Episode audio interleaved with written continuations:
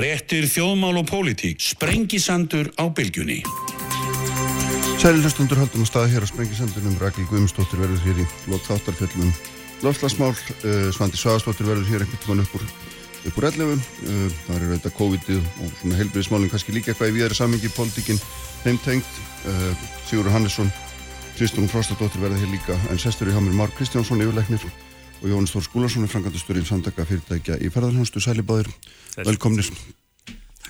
Ekki hérna óraðamann fyrir því að Í sjálfu sér að COVID er nú aðalumræðafni aftur en nú verður ekki á því komist eftir, síð, eftir tíundi síðustu daga már hérna, sko ég held svona við allur maður, allur almenningur hafi nú talið að með bólusetningum þá einhvern meginn var nú var ju komin yfir þetta 90% stjóðurinn er það ekki full bólusett eða nála tí og, og svona allir farðin að anda léttar.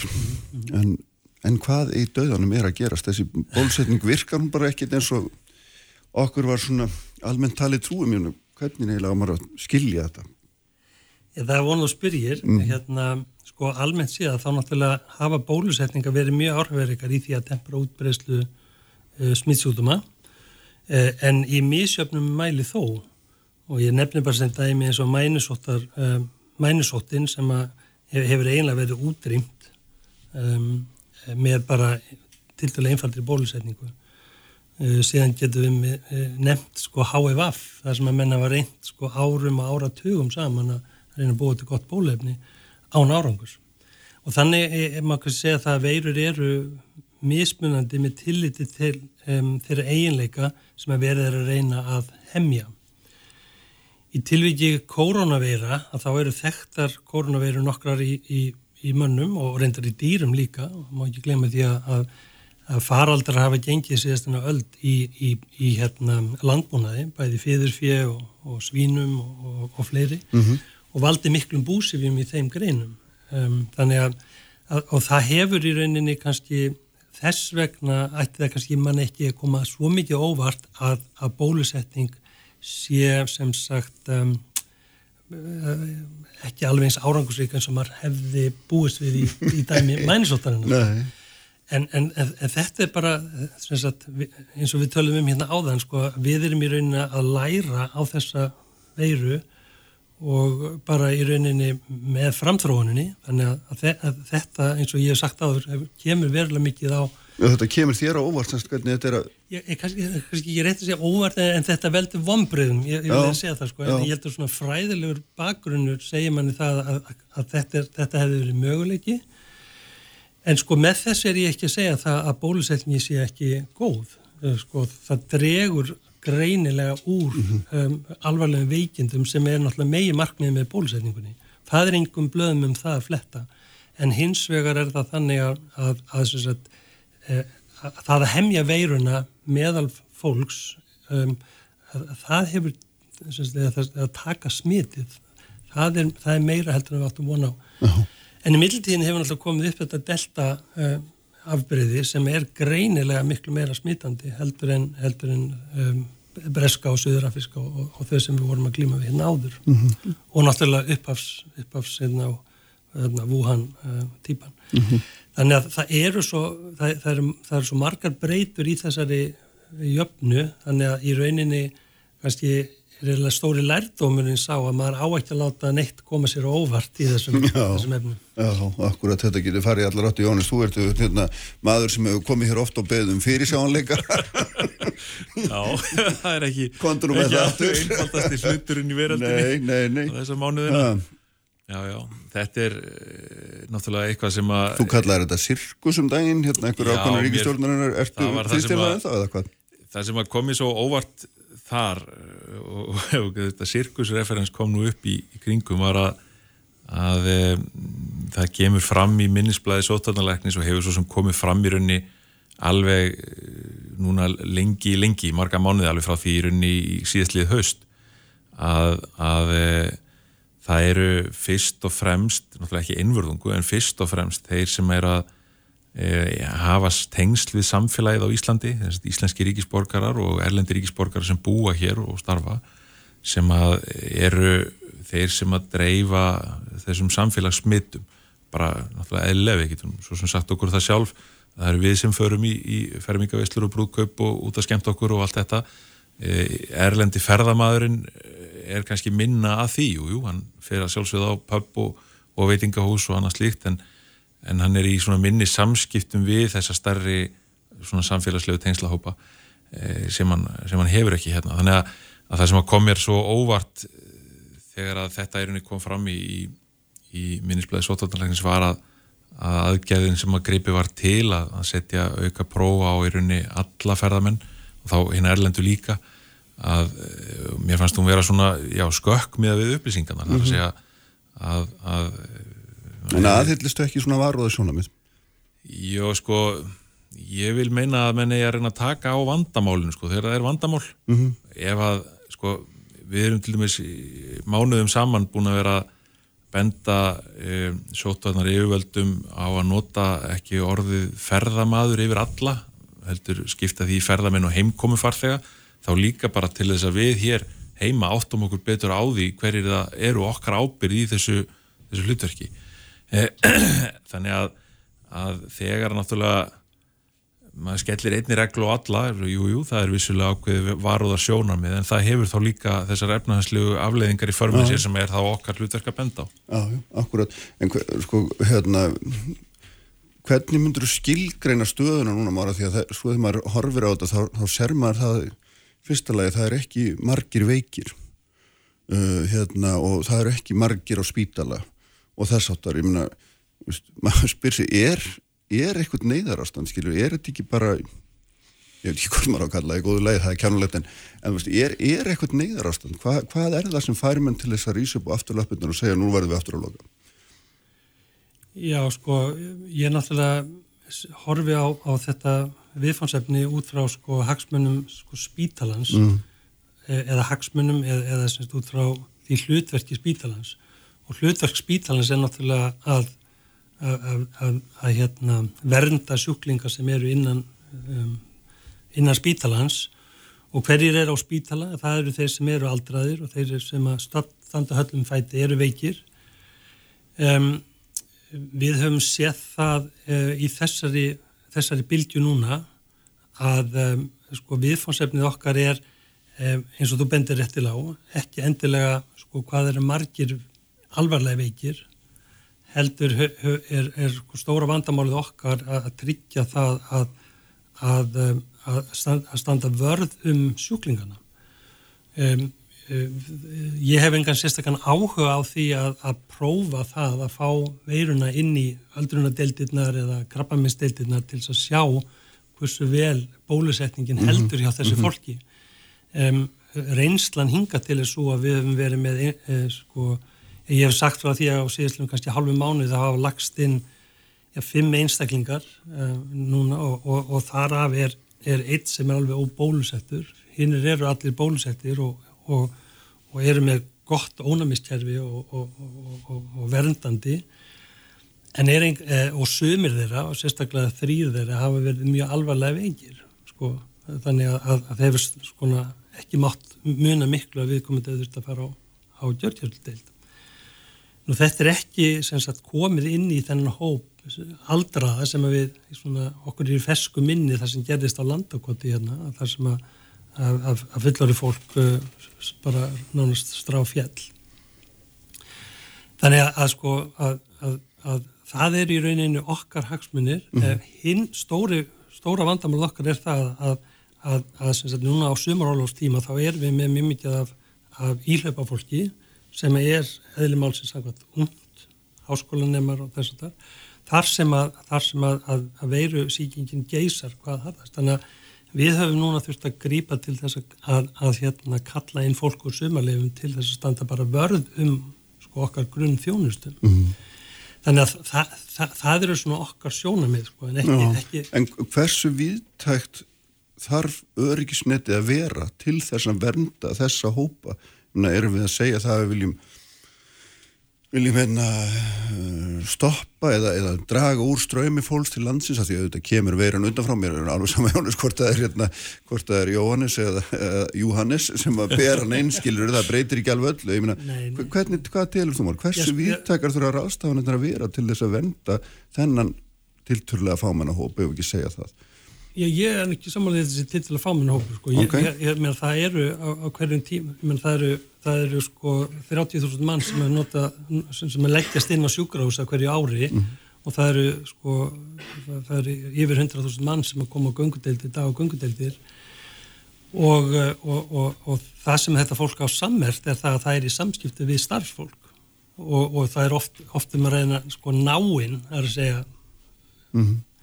Samskipt En sko, þurfum við að stoppa innstreymi veirunar í landi til þess að tryggja þetta öryggi eða, eða getum við grípið til vægari aðgerða? Já, já sko, ég, ég, ég held að við þurfum bara að tempra útbreysluna við, við, við erum í, í sko veldisvexti núna, ég, ég veit ekki hugmyndum hvað, hvað er mikið út í samfélaginu og ég held að við þurfum að tempra þetta og alveg svo Jóhannes saði hérna á þann að sko veiran kemur inn í landið, þú bendir á það og, og, og síðan er, erum við sem þegnar þessu samfélags, það erum við sem erum í rauninni að magna hann upp og, og með, með, semst að fara á skemmtana hald mm -hmm. og gera það sem við gerum eðlilega. Þannig að, að við þurfum með einhverjum hætti að, að kalla eftir einhverju svona einhverju hegðun í samfélaginu sem að þar sem við hjálpumst öll að við það að draga sem mest úr þessu það er íþingjandi, ég meina, sko, það er þannig með spítalareksturinn að við höfum bara einhvern ákveðin fjölda starfsmanna og, og þegar við þurfum til dæmis að fara að, að, að reka hérna stóra göngudeld, núna erum við með á 700 manns í göngudeldinni, að þá tekur það e, einhverja þjónustu fulltrúa í, í það og þeir eru þá teknir einhver staðar annar staðar.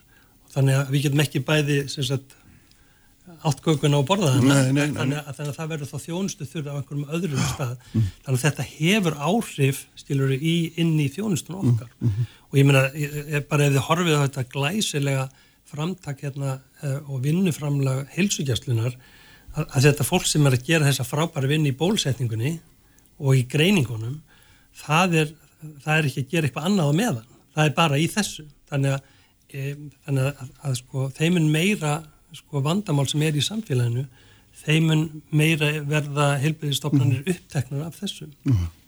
En það er sko hérna Jónis sko það er og því hafið þetta að ferðarþjónustunni verið orðið hart úti og allir skilja það að þið þurfið að hérna rísubólappirnar og vilja gera það sem fyrst og svarvis og hérna þetta verið svona umdeilt þessi krafa eitthvað um hvernig hversu hratt má opna og í ögnablikinu er svona er ekki lærdómurinn sá að því opnara þeim er verið að ráða við þetta og hérna og þá er nú einfalt að grýpa bara í koma bara með líkilum stingunum í skrána?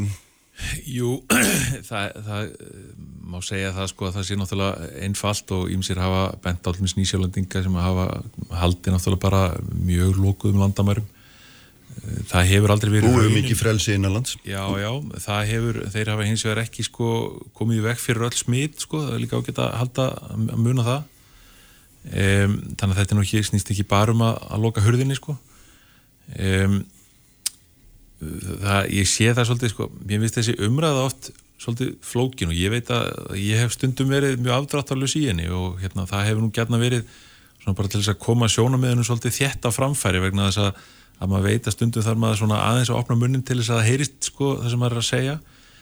Um, en þetta er náttúrulega auðvitað mikil tilfinningaumræða líka, þetta er ekki allt saman bara fullkomin lógík sko, það er óbúslega eðlilegt þegar, að, þegar þetta er í gangi en, en svo sér maður til dæmis eins og þetta sko ferða þjónustan hafi uh, vilja láta gal opna allt sem er náttúrulega bara ekkit rétt sko. Uh, við höfum verið mjög duglega í því að vera í samtali við stjórnvöld og koma á framfæri bara sjónamöðum um hvaða áhrif þessi efnahagslegu, efnahagslegu áhrif þetta hefur og við höfum mikið til með talað um það hvaða, hvaða áhrif þessi þess að dýrunni þá atunuleysi og annað hefur, ég menna við erum að sjá mm. þetta hér uh, í, í til dæmis uh, mikill í prósentu hækkun á barnavendamálum við sjáum þetta í Breitlandi í, í gríðalegri hækkun heimilisóbildsmál og fleira. Mm. við höfum í rauninni aldrei beðið um það að landamæri séu opnuð. Sko, við erum aðtóða það að það er ennþá sko, ef þú ert óbólusettur þá þarfstu ennþá að framvísa PCA-prófi komu, farið tvær skimanir og fimm dagar sótt ah, við höfum aldrei þrýst á það sérstaklega þetta, þetta verið tekið af, við höfum svona bent á þetta hafi erfið áhrif. Þú hefur nú alveg bent á það mjög skýrt að það kemur enginn sem ferðamöður til þess að fara að finna í hóttum og, og þá hefur við líka sagt, ég menna ef þetta á að vera svona þá þarf, þá þarf eitthvað að hugsa út í það og, og einhver aðgerður og það hefur gripið til aðgerða til þess að við upp á mótið þessu.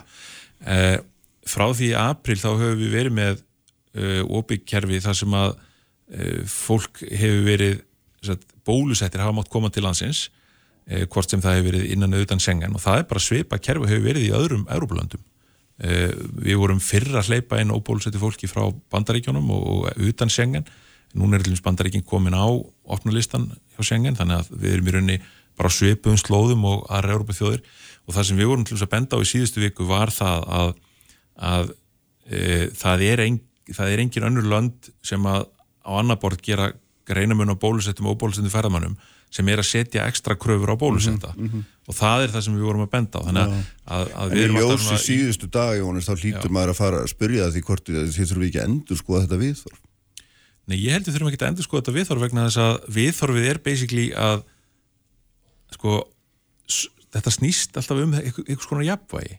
Stjórn, hlutar stjórnvalda er mjög erfitt mm -hmm. og þau hafa nálgast að mjög skinsamlega finnst mér. E, mér finnst að sótvarnar yfirvöld og, og stjórnvöld hafi staðið sér gríðarlega vel í þessu öllu saman.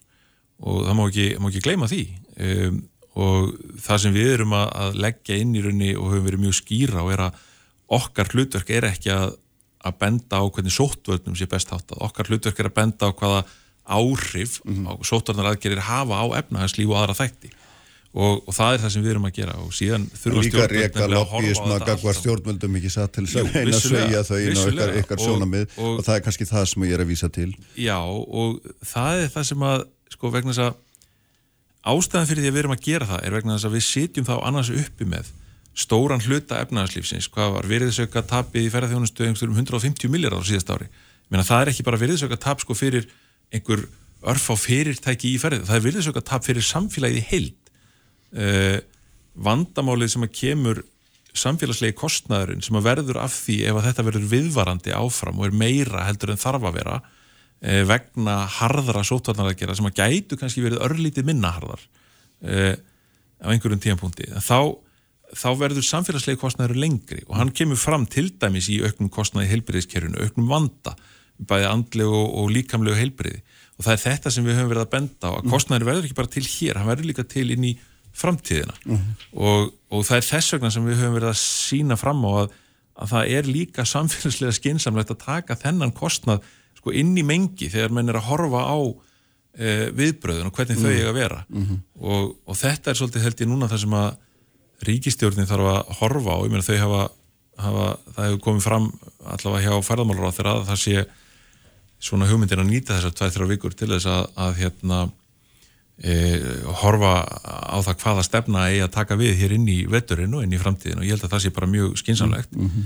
og, og ég held að það sé mjög mikilvægt núna, ekki síst að, að bara svona líka koma því að að sko það er held ég verulega varasamt ef að sko við sjáum samskonar hluti gerast hér fyrir kostningar eins og gerst í sumum öðru löndu þar sem að sko umræða um sóttvarnar aðgerist yfir tekur alla stjórnmálaumræðu fyrir, fyrir kostningar. Það, það væri verulega va, va, varasamt mm. vegna þess að það er svo mikið af, sko við eigum ekki að vera, fyrir kostningar eigum við ekki að tala um skurðin sko, við eigum að vera að tala um það hvernig við ætlum að koma okkur upp úr honum um, um efnaðslegu og samfélagslegu málinn sem við þurfum að takast á við á næstu mm. fjórum árum. Mm -hmm. Þetta er auðvitað hluti af því en þetta er svo fljótt að yfirtaka umræðana ég held að bæði stjórnmálafólk og fjölmjölafólk þurfa að varast það svolítið sko, Þessar aðgjörðum ár eh, hérna, er það á strangar? eða er það hæfilega? Hvað þurfa það að vara lengi? Sko, ég, ég held að tími verði bara leða það svolítið í ljóð nú höfum við þetta fram til 13. og, og hérna, sko, það kann að vera menn, það, það er svolítið spurning hvert er markmið sko. Já, markmið hvert er eiginlega markmið? Veist þú það? Nei, nei, nei ég, ég, þetta er bara svolítið, sko, þetta er eins og allt í þessu, þetta er svolítið leikið að fingurum fram. Sko, Þórulur hefur sagt það að, að hérna, sko, harðar aðgerði, það er stoppað þetta alveg, uh, en það, ég held að það geti ekki verið markmið í sjálfu sér, sko, en ég held að, að það hlut að vera markmið að tempra þetta, þannig að þetta sé algjörlega viðráðanlegt. Það er ekki viðráðanlegt held ég að vera með, sko, 100 ný tilfell á hverjum degi, það, það þjónar ekki hagsmunum negna að hafa það og hafa allt opið mm. eh, hvort að þetta og, og eins og ég segi sko, og Jóhannes kom að hérna, ég held að þetta snýst svo mikið um okkur sjálf sko, þannig að ef að við erum dugleg eh, við sem einstaklingar í okkar samfélagi að, að hegða okkur skynsalega þá mun það vera mjög dýrmætt mm. og, og, og árangursvíkt, ég er alveg samfærið um það.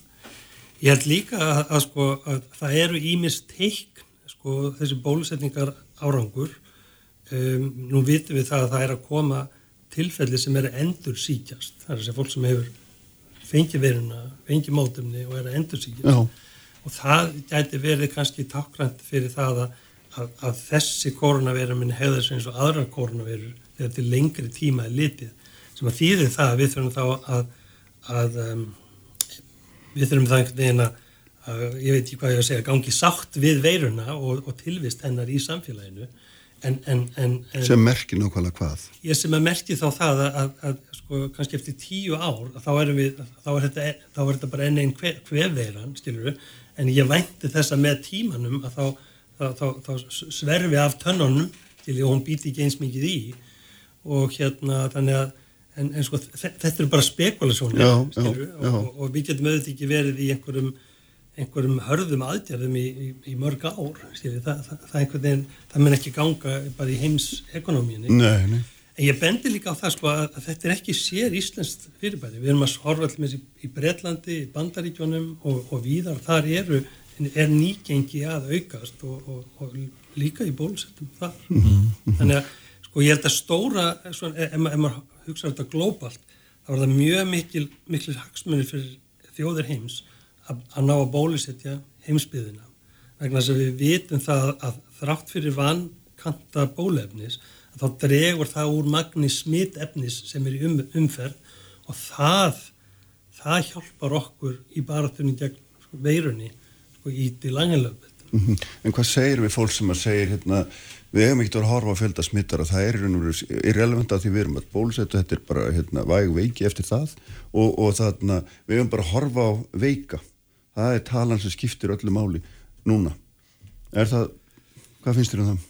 Já, sko, ég, ég, ég sko, af, af því að við erum í rauninni að vernda starfsemi þá mm. þurfum við, sko, þetta eru gaglegar upplýsingar fyrir okkur, að segja vegna þess að við erum að við, eins og ég segi, við erum með fullt af ungu fólki sem eru starfsmenn spítan sem að koma inn Meina, það, það er vaktaskipti kannski tvísvætti þrísvar, oftast nær þrísvar og sólaring, að þú ert alltaf að fá sko, hérna tengingu úr samfélaginu inn á spítalan og það skiptir mjög mjög máli að við vitum að þetta fólk sem er að koma til okkar í vinnu að það sé ekki með að bera smittefni inn.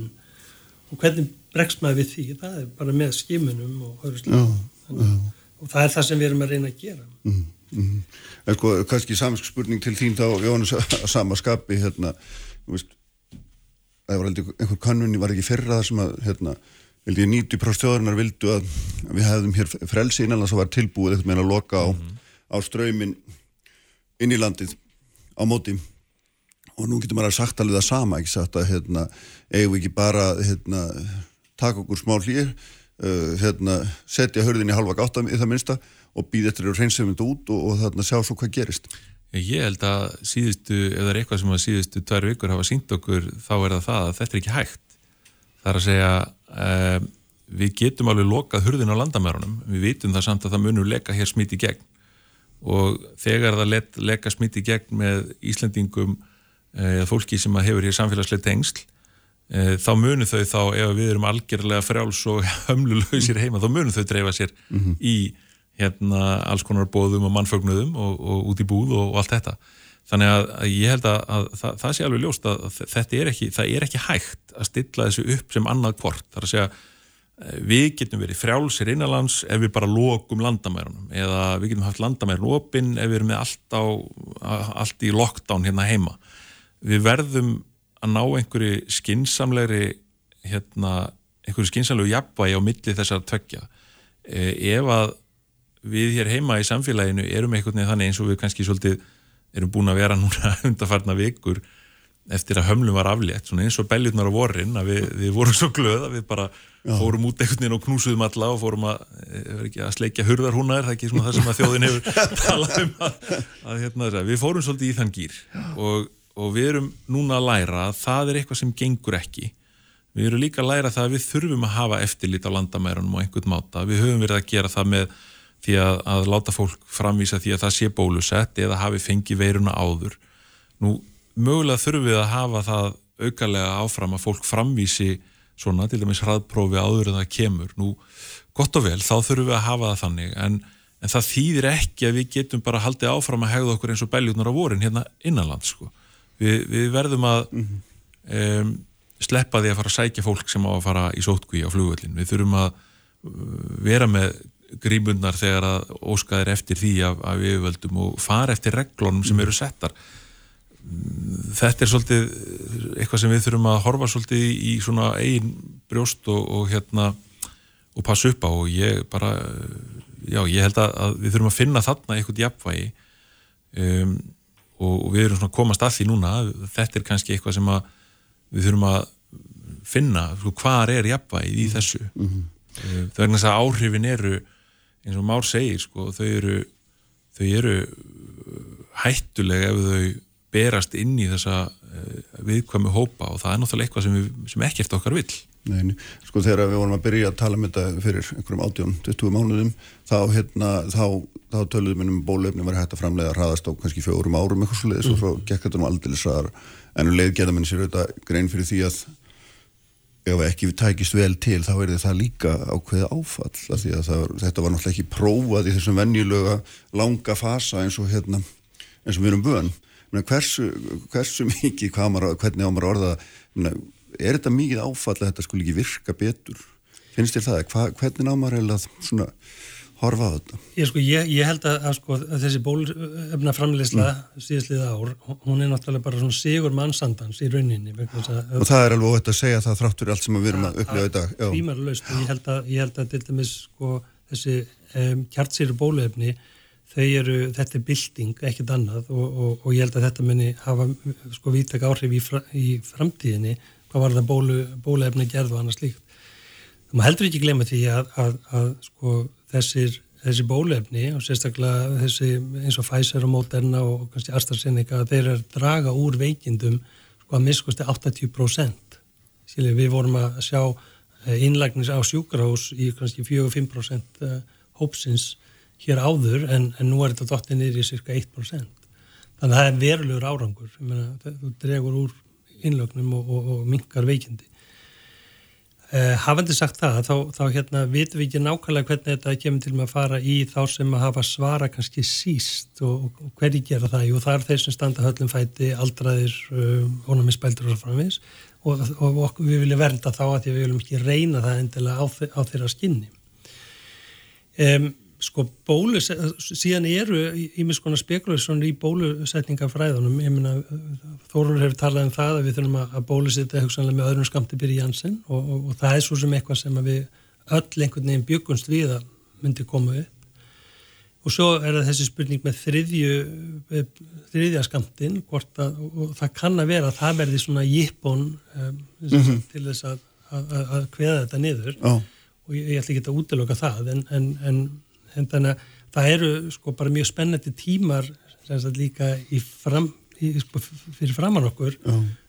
til þess að læra á, á þetta þannig að, að, að þetta er brófis á við, við vitum þetta ekki en, en hérna en ég bind mjög mikla vonið við bólusetningar og, mm. og vil alls ekki sko draga neitt úr gildi þeirra þrátt fyrir þetta, þrátt fyrir þessi bombriði vegna þess að, að sko markmi bólusetninga er að draga úr veikindum og það er, það er auka ávinningur ef, að, ef það dregur úr smiti líka. Já, um. En það voru hans sem ekki kynnt sem vörð gegn Veikin. smiti. Já, lík. Já, lík. Fyrst af fyrst veikin. Já, já, já, en ég held að hitt hafi nú allavega flotið, já, já, já, flotið með, ekki satt? Hmm. það var kannski svona meira bara væntingarnar en, en, en menn reyndu samt alltaf komið í að framfæra að þetta verði óþægt stærð sem hún sannarlega var. Sko. Já, um mitt. Herrið, það verður frólægt að sjá hvernig þessu vindur öllu fram hvort við ofnum með að lokum. Það er stóra spurningin á næstu 10-3 vikum. Það er eitthvað báðum fyrir að koma og hérna halda áfram hérna eftir með Sigurði Hannesinni og Kristrúnu Frostadóttur.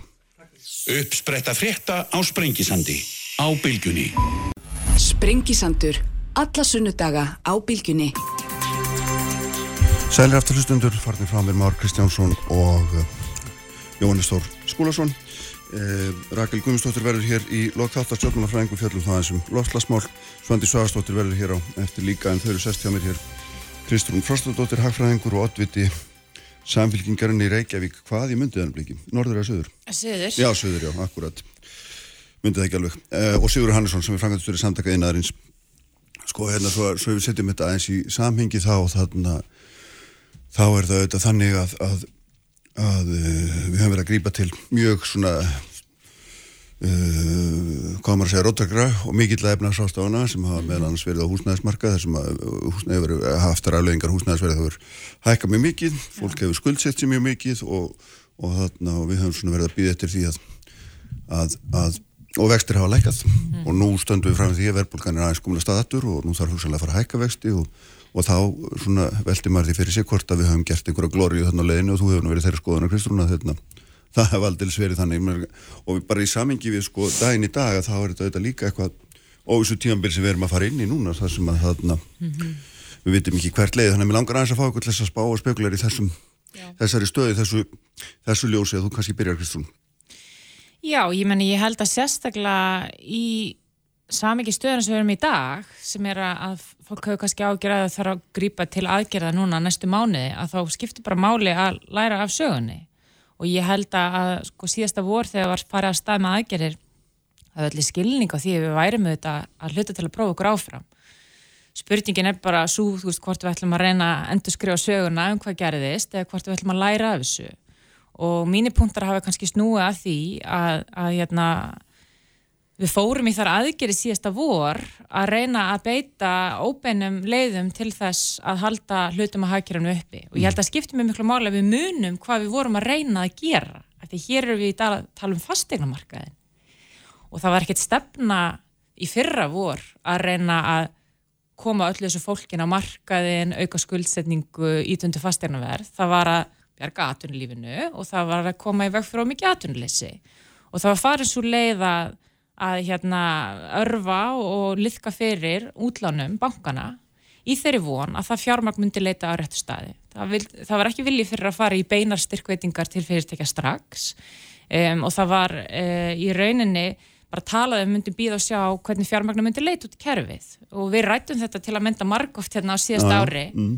Um, og ég var á þeirri skoðun að þetta myndi ekki leita réttu staðina. Það væri of mikil áhættufælni í kerfinu þar að segja bankar taka ákvarðanir um að lána út ekki byggt að því hvort þeir hafa eitthvað fjármagn heldur hvort þeir heldur muni tapa útláninu og, og bankakerfi er bara þannig uppbyggt að örugasta útlánið er í fastegn og það er að segja ekki nýbyggingu fastegnar heldur í núverandi fastegn og, og neðustan er svo að eftir síðsli ár að þá hafa nettó, þar að segja hrein ný útlán heimilana, til heimilana verið yfir 100 miljardar króna á þessu ári. Og þetta er peningur sem eru ekki farið í nýbyggingar, þetta er það sem eru bara farið í núverandi húsnæði. Og ef ég setja í smá samengi, menn þetta er tvöfullt svo uppað sem að var fóri í ráðstafanir, beinar svona styrki og, og aðdunlisis ráðstafanir á vegum hérna stjórnvalda. Þetta er ígildi næstu sko útlána til 3000 íbúa ef við hugsaum um að 100 miljardar séu sé á bakvið kannski 30 miljardar krónar lán þetta er rosalega miklar uppæðir Um, þannig ég held að við þurfum bara að staldra við og velta fyrir okkur, ég meina hvert var markmiði fyrra, mm -hmm. það var að reyna að halda uppi kerfinu þann hluti kerfisins, það sem að var slaki um, ég benti á að af því það var markasprestu til staðar sem fóli sér að það var að vera í rauninni loka ákveðnum geirum, það myndi þessi peningur ekki leita rétt að staði og fór sem fór mm -hmm. Mm -hmm. Hvernig horfur þetta við þér, Sigurður og ykkur? Viðnaðar megin? Emmitt byggingarinn að megin með þess að líka. Já, já, einmitt, kannski áður en ég kem að, fastinamarkanum að fara aðeins yfir gerist talsmaður ríkistjóðnarinnar og, og minni á þessar aðgerir, þessar beinu aðgerir sem að fara var í, þú veist, það er eins og atvinnulegisbætur, það eru hlutabætur, viðspilnustyrkir, tekifallstyrkir, brúalán, stuðníslán lókunastyrkir og svo framvegis.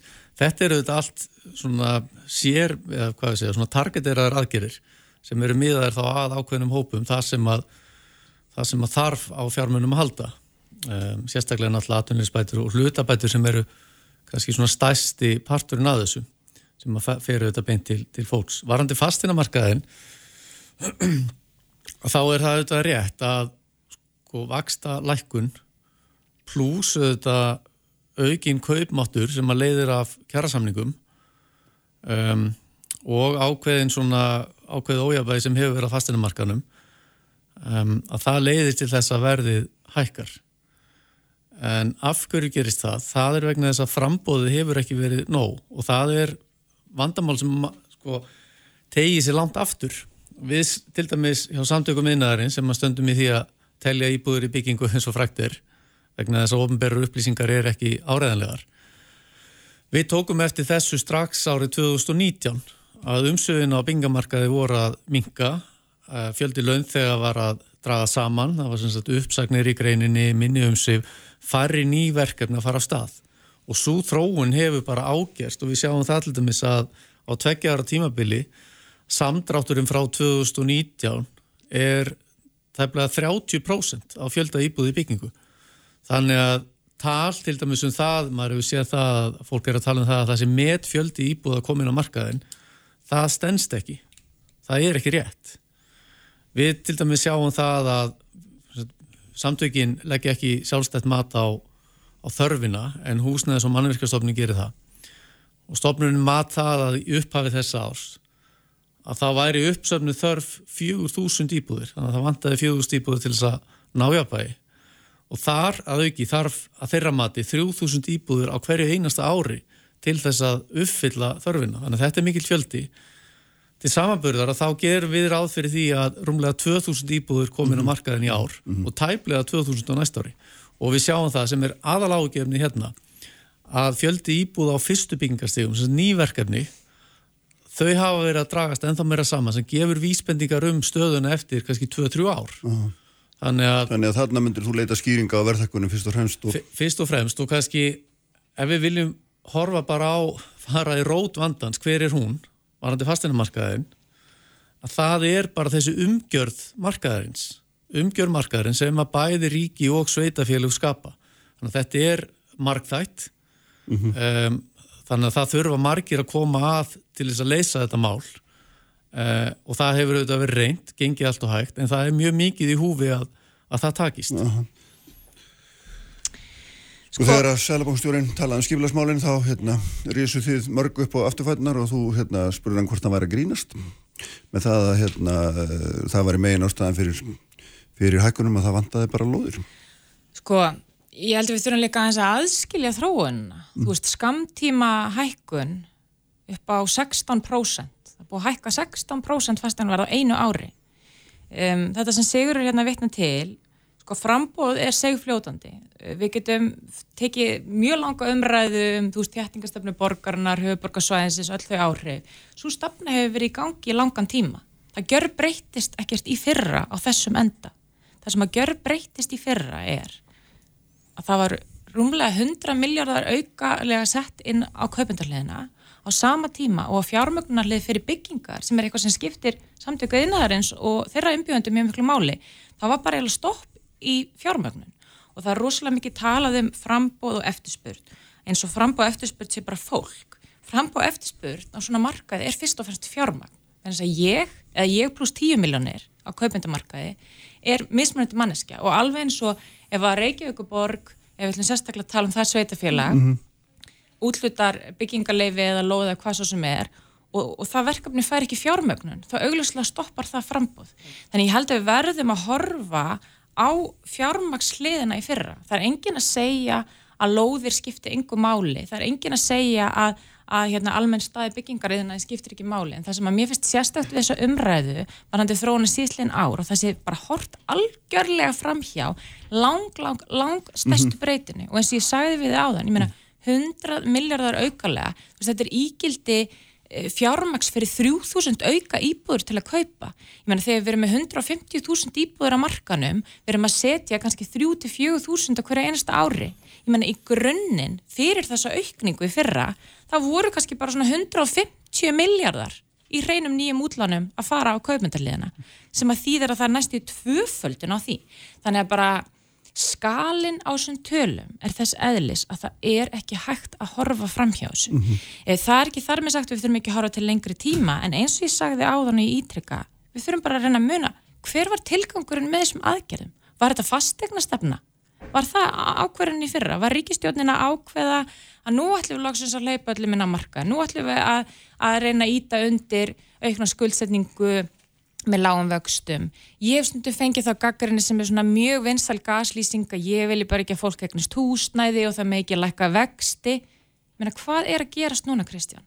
Við letum allt þetta fólk taka talsast mikið af hérna láni og skuldsetningu á langtíma láni á lágum vöxtum. Ég meina, þú tekur lán, fastegna lán, til 30 ára, sem er 40 ára og við erum að lendi því núna að út að skamtíma aukning á fjármögnin á markaðin sem að var ekki fótur fyrir, þá við að fara í vaksta hekkanir aftur og náta. Það sem að ég vil fyrir fólki í landinu er að það hefði stabílan fastegna marka og stabílt hagkvæmt, lágt vakstastig en ekki að það sé einhver skamtíma fastegnastefna að húrröllum minna marka en einhverjum kreppuvöxtum og síðan bara hækka vextinnin eftir. Þannig að þetta er lang, lang, lang stærsta breytan sem hafi áhrif að hækkum fastegnavers. Síðan getum við alveg rætt um svona þessa langtíma þróun og mm. þar veit ég að gruna með við séum kannski ekki 100% sammála, ég meni ég hef ákveðna skoðanir varandi hvernig þetta halda aftur til lengri tíma þessum hækkunum. Ég menna við erum að sjá fastegna vera síðastlega 25 árum hækkarist í 50% frá ráðstöðunatekjur. Það er auglustlega ekki eðlilegt og partur af því er það sem við vorum að sjá í fyrra. Við, við sáum svona hvað er segja, svona mín-insinn yfir í hvað búið að gerast í langan tíma sem er að það vera alltaf miklu meira fjármagn vera að leituna eftirspurnarliðina með frambóðsliðina og þar hefur ríkið ákveðin hlutverki að gegna í að reyna aðeins að dempa þessa markaspresti sem er að setja ójöfbæðið í kerfið. Já, þarna er náttúrulega komið inn á daldi mikilvægt mál sem er annars vegar skamtíma þróunin, mikil hækkun á stutnum tíma en líka langtíma þróunin, mikil hækkun á löngun tíma Þannig að sama hvernig hortir á þetta, þá hefur fastegnaverð hækkað langt umfram, hérna, umfram kaupmátturaukninguna eins og Kristjón bendir réttilega á. Þannig að það er ekki bara hægt að tala um að þetta sé eitthvað vandamála því að vexti lækkuðu og maður getur líka velt fyrir sér vexti lækkuðu út um allan heim, fastegnaverð hefur verið að hækkuð út um allan heim. Þannig að þetta er ekki eitthvað sem er bundið bara við, við Ísland. En þetta dregur bara fram veikleikana þessi staðar dregur bara fram veikleikana í kerfinu hjá okkur sem er þessu umgjörð og það er eins og ég segi, það er margi sem að koma að því og það er ekki bara... Hvernig leiðir þetta við þetta, Sigurður? Leiðir, það er umbætur sem maður þarf að fara í, það er til ríkið ef við byrjum bara þar. Uh, þar þarf að samina uh, alla þessa málaflokka inn í eitt ráðunetti. Þannig að færa, ég er ekki að tala um að búa til nýtt ráðundir frá grunni eða, eða stækka báknið, heldur bara færa húsnæðis og bingamál yfir í samgöngu sveitistundaráðandi, færa skiplasmálinn sömulegðis, þangaðinn, þar verður öflutt innveðaráðandi sem að teku þá til hérna, samgöngumála vegagerðar, húsnæðisuppbyggingar, sveitistundamála, fjarskipta og fleira. Eh, við þurfum að fara í næsta level sem eru stopnarinnar. Við sjáum það hvernig húsnæðis- og mannvirkastofnun sem að var til við samenningustofnuna, það tókst gríðarlega vel. Skilvirkni jógst og kostnæðurinn er, ég held að spartnæðurinn er með 300 miljónum ári mjög vel hefnað, við þurfum að halda áfram þar. Sveitafélögin eru, sko það eru held ég 53 ennbætti byggingafulltrú á landinu. Eitt af því sem að til dæmis verktaka lenda í er að tólkunin á regluverkinu er ólík eftir sveitafélögum. Þannig að það sem að er í lægi á einu sveitafélögi, það gengur ekki í því næsta. Og þetta, þetta er auka flækjustík. Þannig að það þarf að laga þetta. Stafræn stjórnsísla við sjáum það bara eins og ég sagði á þann mm -hmm. samtökuð innar þurfa að tellja íbúður í byggingu að því að ofnbæru upplýsingar eru ekki áræðanlegar auðvitað á þetta að vera í lægi vegna þess að þessi yfirsín eða skortur og yfirsín kostar heil mikið, bara samfélagið heil mikið vegna þess að það er ekki almenna vitað hver sko, þörfin er. Hvar, hvað er það sem að markaðarum þarf? Er það íbúður á þessu svæðið eða hinnu, er það stóri íbúður eða litlar mm. og svo mhm. framvegist að... Það hljóma náttúrulega ennkjánulegar að hafa sett svona mikla peninga í markað sem að hérna, engin veit hvernig, hvað snýr upp og niður á Já, já, en markaður er náttúrulega fólk bara ákvað það sjálf náttúrulega að, að hérna, stekka mm. við sig eða breytum húsnæði þannig að þetta er, er dæmi og svo náttúrulega loðaframbóðið að það eru þetta ekki hægt að líta fram hjá því og, og þá er ég bara að tala um all landið, ekki bara Reykjavík heldur bara landið allt. Mm. Það þarf þetta að vera frambóð á lóðum, stöðut frambóð á, á öllum tíma og við sjáum bara hvað eftir eftirspunnin er mikil Selfossi til dæmis, það sem voru hvað 50 eitthvað lóðir bóðnar út, það komu hvað 8000 umsóknir held ég 8000? Já, þetta var alveg ótrúlegt sko Þannig að þetta, þetta segi sína sögu um, um sko, þetta ójabægi sem að þarna ríkir. Þannig að þetta er samspil mjög margra þáttar sem að þarf að fara að laga og fara saman. Uh, þetta hófst að einhver leiti 2018-19 og var innsiklað í tengslu við lífskærasamningin þegar aðela vinnumarkaðarins og stjórnvöld komu saman og gerðu ákveði plan umbóta áallun því hefur verið fyllt eftir einhver leiti en það vantar meira til og ég sakna þess að sjá sveitafélagin ekki koma með meira afgerandi hætti þar inn Kristján Já, sko það hefur oft verið vitna til þessara fórsenda þetta sé gerist út um allan heim. Mm. það er bara fyrir mér er það ekki rauk fyrir það sé lægi þetta sé gerast. Það hefur náttúrulega verið mjög sérstök hérna, peningamála stefn út um allan heim einmitt síðustu tíu ár, það sem að vextra hafi verið um, mjög, mjög, mjög lágur sem hefur keirt upp allt eignaverð um, skapa svona, svona falst öryggi um að þetta sé almenningi hag þegar staðrendinu svo að það er svo margt annað sem skiptir fólk máli en bara vakstasti, kaupmáttu fólks, laun, bara hvað fastegn kostar til að byrja með, hvað það kostar að lifa þannig að, að, að ég er ekki sammála þeirri framsetningu sem að, eh, maður heyrir oft í því samiki að þetta sé eitthvað réttlætanlegt og þetta sé gerst um allan heim, ég menna við erum að reyna að halda í okkar eigin mynd til þess að stýra okkar eigin vöxtum, skilur þú veist þetta, er, þetta spilar allt saman, af hverju eru það þessu En hefðu þá ekki átt að læka vexti til þess í fyrra? Ég er ekkit að, að segja það hefðu ekki átt að læka vexti, ég held að stærsta málið hafi verið þessi, þessi auka fjármaks sem að var losað um fyrir bankana til þess að lána út. Hvaðan kemur það fjármagn? Frá Sæðlabankanum. Frá Sæðlabankanum? Já, ég minni í gegnum lækun á, á hérna, alls konar skorðum sem voru til staða lausafjár, einfjár. Þessi fyrst og fremst einfjárhaugin, ekki satt? Já, já, já. Og hugmyndin var auðvitað svo að það ætti að örfa hagkerfið. En bankarnir voru mjög vel fjármagnaði fyrir, þannig að í sjálfu sér Þurftu þeir ekki á þessu halda? Já, ég er alveg sammála því, en þetta var aðgerð sem var ráðist í mm. til þess meðal annars að örfa hagkerfið og ég held að það sé bara mjög mikilvægt að við hugsa mm. núna, ok, hvað gerum við þá núna? Uh -huh. Vegna þess að svona almenn örfun er fyrst og fremst að fara að skila sér í því að peningarnir leita á staði það sem er þensla fyrir. Ein af ástæðanum eftir líka fyrir því að það auðvitað hækkarnar fasteignarmarkaði. Það er ekki bara þetta auka fjármagn, heldur verðan þess að fólk var satt að auka spartnaði skilju, það er bara mjög eðlilegt og fólk mm -hmm. sata auka spartnaði, þar var eh, ekki slaki í kerfinu og, og þess vegna eigum ekki verið að beina fjármagnu þangaðinn, þannig að við fyrir mjög aðgerið núna, þá verðum við að læra þessu og setja fjármagnu þá staði sem að slakið er til staðar. Og þar er bara munur á eins og þau kalla sko, ríkisfjármála eða fiskal eða peningamálastefnunni, monetary policy, þar er að segja hvort þú ferði í gegnum bankakerfið, þessar óbeinur leiðir eða hvort þú ferði með beina innspinningu varðandi langtíma þróuna á, á fastinamarka, ég menn ég get tekið bara undir margt sem að Sigurður segir hérna það er auðvitað alveg ótrúlegt að við höfum ekki yfirsýn yfir því eh, hvað er, er í byggingu. Ég menna, ég er ekki sérfræðingur í byggingatölum Reykjavíkuborgar, ég les þar bara skýslur eins og hver annar einstaklingur um, við getum síðan verið með eitthvað skoðanum á því eh, hvort að það sé hversu nákvæmt það sé. Hins vegar sjáum við ákveðið trend og ef þær tölur eru eitthvað bjagaðar, þá hafa þær verið bjagaðar í 50 ár, skiljiði og það sem við sáum hins vegar er að, að sko þó að íbúður í byggingum fari fækandi núna það hafði svo fækkun ekki áhrif á þær íbúður sem kom út á markaðin í fyrra þetta met byggingatímabil sem var 2018 já, en er byggingar sem voru að koma inn og frambáð sem komin á mm. markaðin í fyrra var töluvert í fyrra mm. og, og það er ekki að hafa áhrif að fastegna Já, það getur vel verið, en þetta, var, en þetta, er, þetta er breyta sem búið að vera að vinda ofana. Hún var ekki íkja vandan í mhm. fyrra. Mm -hmm. En ef aðgerðunar hefði verið vel hefnar gagvart ykkur, þá hefði það aukið umsöfin hjá ykkur, er það ekki?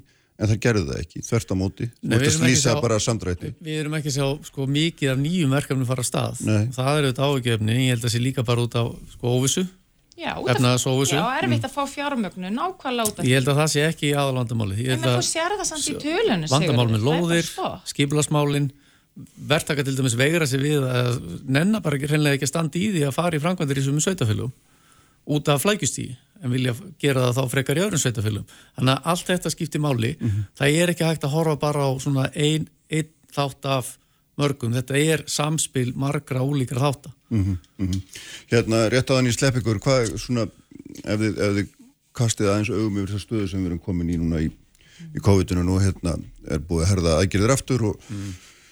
og það er greinlega mikið lófisa og þarna síðast þegar að mikil óvisa var, þá varði hún nú mjög lengi og var okkur mjög dýr. Hvað sjáu þið í spilunum, hvað, hvað svona, neitt að því sem maður sér svona bara efnarslegar er auðvitað, hérna, selabankin er í kleppa, hann þarf að sennilega hækka vextina til þess að halda aftur verðbólgu, en getur ekki leift sér það þess að fólk er búið að skuldsetja sér svo mikið. Ég, mena, ég veit ekki, hvað, hvað sjáu þið svona bara í næstu Meina, þetta, í er það, þetta er það sem hann maður er náttúrulega ótaðist og þú væri með verðbólgóin í atvinnuleysi. Og svo ítrykka sem ég sagði þetta, er- þetta, er- þetta er ástæðin fyrir að það þarf að hugsa mjög vel og vandlega um hvernig aðgerðir farið í núna sé ekki farið í almennar örfunar aðgerðir heldur í aðgerðir sem að beinast til þeirra sem er að lenda núna í tekjutapi út af þessum stöðunum. Vegna þess að það er margt í kerfinu sem er mjög öflugt og stert skiljið, kaupmáttur hefur verið ágætur hjá þeim sem hafa haldið vinnunni. Um, það er margt mjög hérna, áhvert að gerast í hagkerfinu sem að þú veist, Sigur getur talað um eins og í hugvitsgreinum þess að það er, það er mikil gerjun til staðar. Þannig að við verðum að fara bara í mjög eh, sértækar aðgerð á þá staði sem skiptir máli. Annars lendum við áfram í þeirri stöðu eins og við höfum upplifað á síðslega mánu, við erum með hátt atvinnuleysi og mikla verðbólgu. Þannig að núna, núna þarf bara að fara í mjög sértækar aðgerð og það eru pólitískar aðgerði sem snýst um að beina fjármagni þar, þar sem þeir eru þörf í staðin fyrir að láta að leki gegnum allt kerfið. En auðvitað vonum að til þess að þetta verði ekki um, hvað ég segja það verður rosalega erfitt að segja til um hvað er að fara að gerast í haust. Ég meina það var engin að búast við þessu bakslæði sem við erum að lenda í núna, eða kannski var einhver sóttatarleikna, nú tala ég bara frjálst. Mm. þetta er mikið svona bara anti-klímax finnst mér. Já. Eh, ég er ekki vissum að, að, að hérna, margir var að gera ráð fyrir sína rekstri að fara aftur í svona lokanir. Þannig að, að hérna, það með bara koma í ljósnuna líka á næstu 2-3 vikum hvað stjórnvöld ætla að gera og hvernig við ætlum að lifa við veirunni hvað efnast að gera það að ráðast í.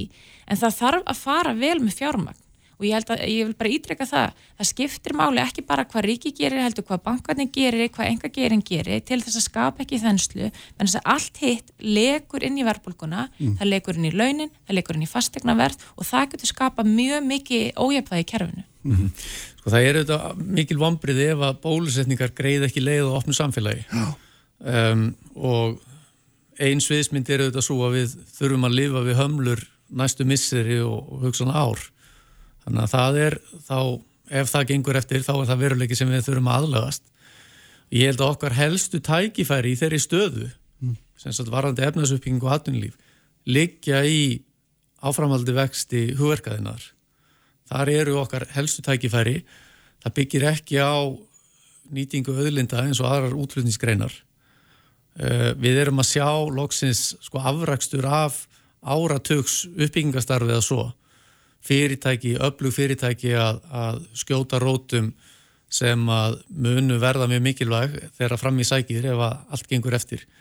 Uh, fyrirtæki eins og Alvotech, Controlant uh, við erum auðvitað með Marel, Össur, CCP og, og svo fleira og fleira mm -hmm. þannig að allt þetta mun skipta máli en, en svona mest í vakstabróturinn er þarna. Og ég er alveg sammála Kristúnu við það að það þarf auðvitað að fara mjög vel með fjármunni en ég held að með áframhaldandi svona örfun hugverkaðinaðarins að þá væri farið mjög vel með fjármagn vegna þess að þarna verða til eftirsótt störf uh, og útflutningstekjur, eitthvað sem að þarf við þurfum svo sannlega á að halda sem að stiður þá við auðvitað annað sem að hér er Herru, svona segja aðmenn eftir efnum. Takk fyrir að koma bæðið tvö. Ég ætla að vera með Svandísi Svagastóttur heilbríðsráþara um þessi máli mitt hér eftir augnablík. Kraftmikil umræða, alla sunnudasmórna, sprengisandur á bylgjunni. Láttu þér líða vel. Bylgjan. Alltaf björt og brosandi.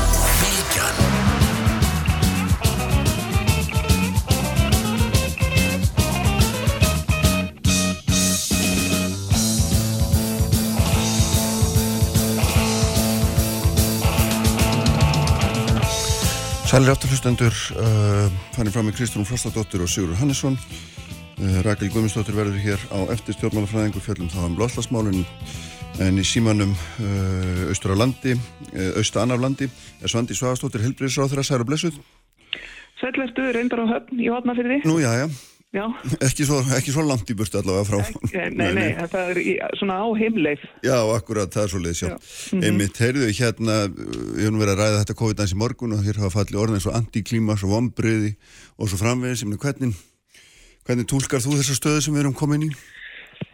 Já, sko, ég, ég held að við höfum nú öll uh, viljað vona að, að við værum uh, í raun og veru að, já, á þessum kapla skilum þarna fyrir mánuði síðan að við værum svona frekar að, uh, að þessar ráðstafanir væri allar að baki uh, en um leið þá vorum við að nefna það og kannski sérstaklega sóttanalegnir að, að meðan að veiran væri á ferðinni í heiminum yfir höfu að þá getur við þurft að glíma við hana hér líka og nefndi stökkbreytt afbreyð og svo framvegis og, og það er auðvitað þannig að þó að, sko, að bólusetningin hefur í raun og verið gengið mjög vel og hefur veikt töluverð, uh, töluverða vend og samfélagið eh, hefur orðið opnara og ef að við værum ekki með bólusetningar þá hefur til að sóttanalegnir snúist um 10-20 manna samkominntakmaskanir sko.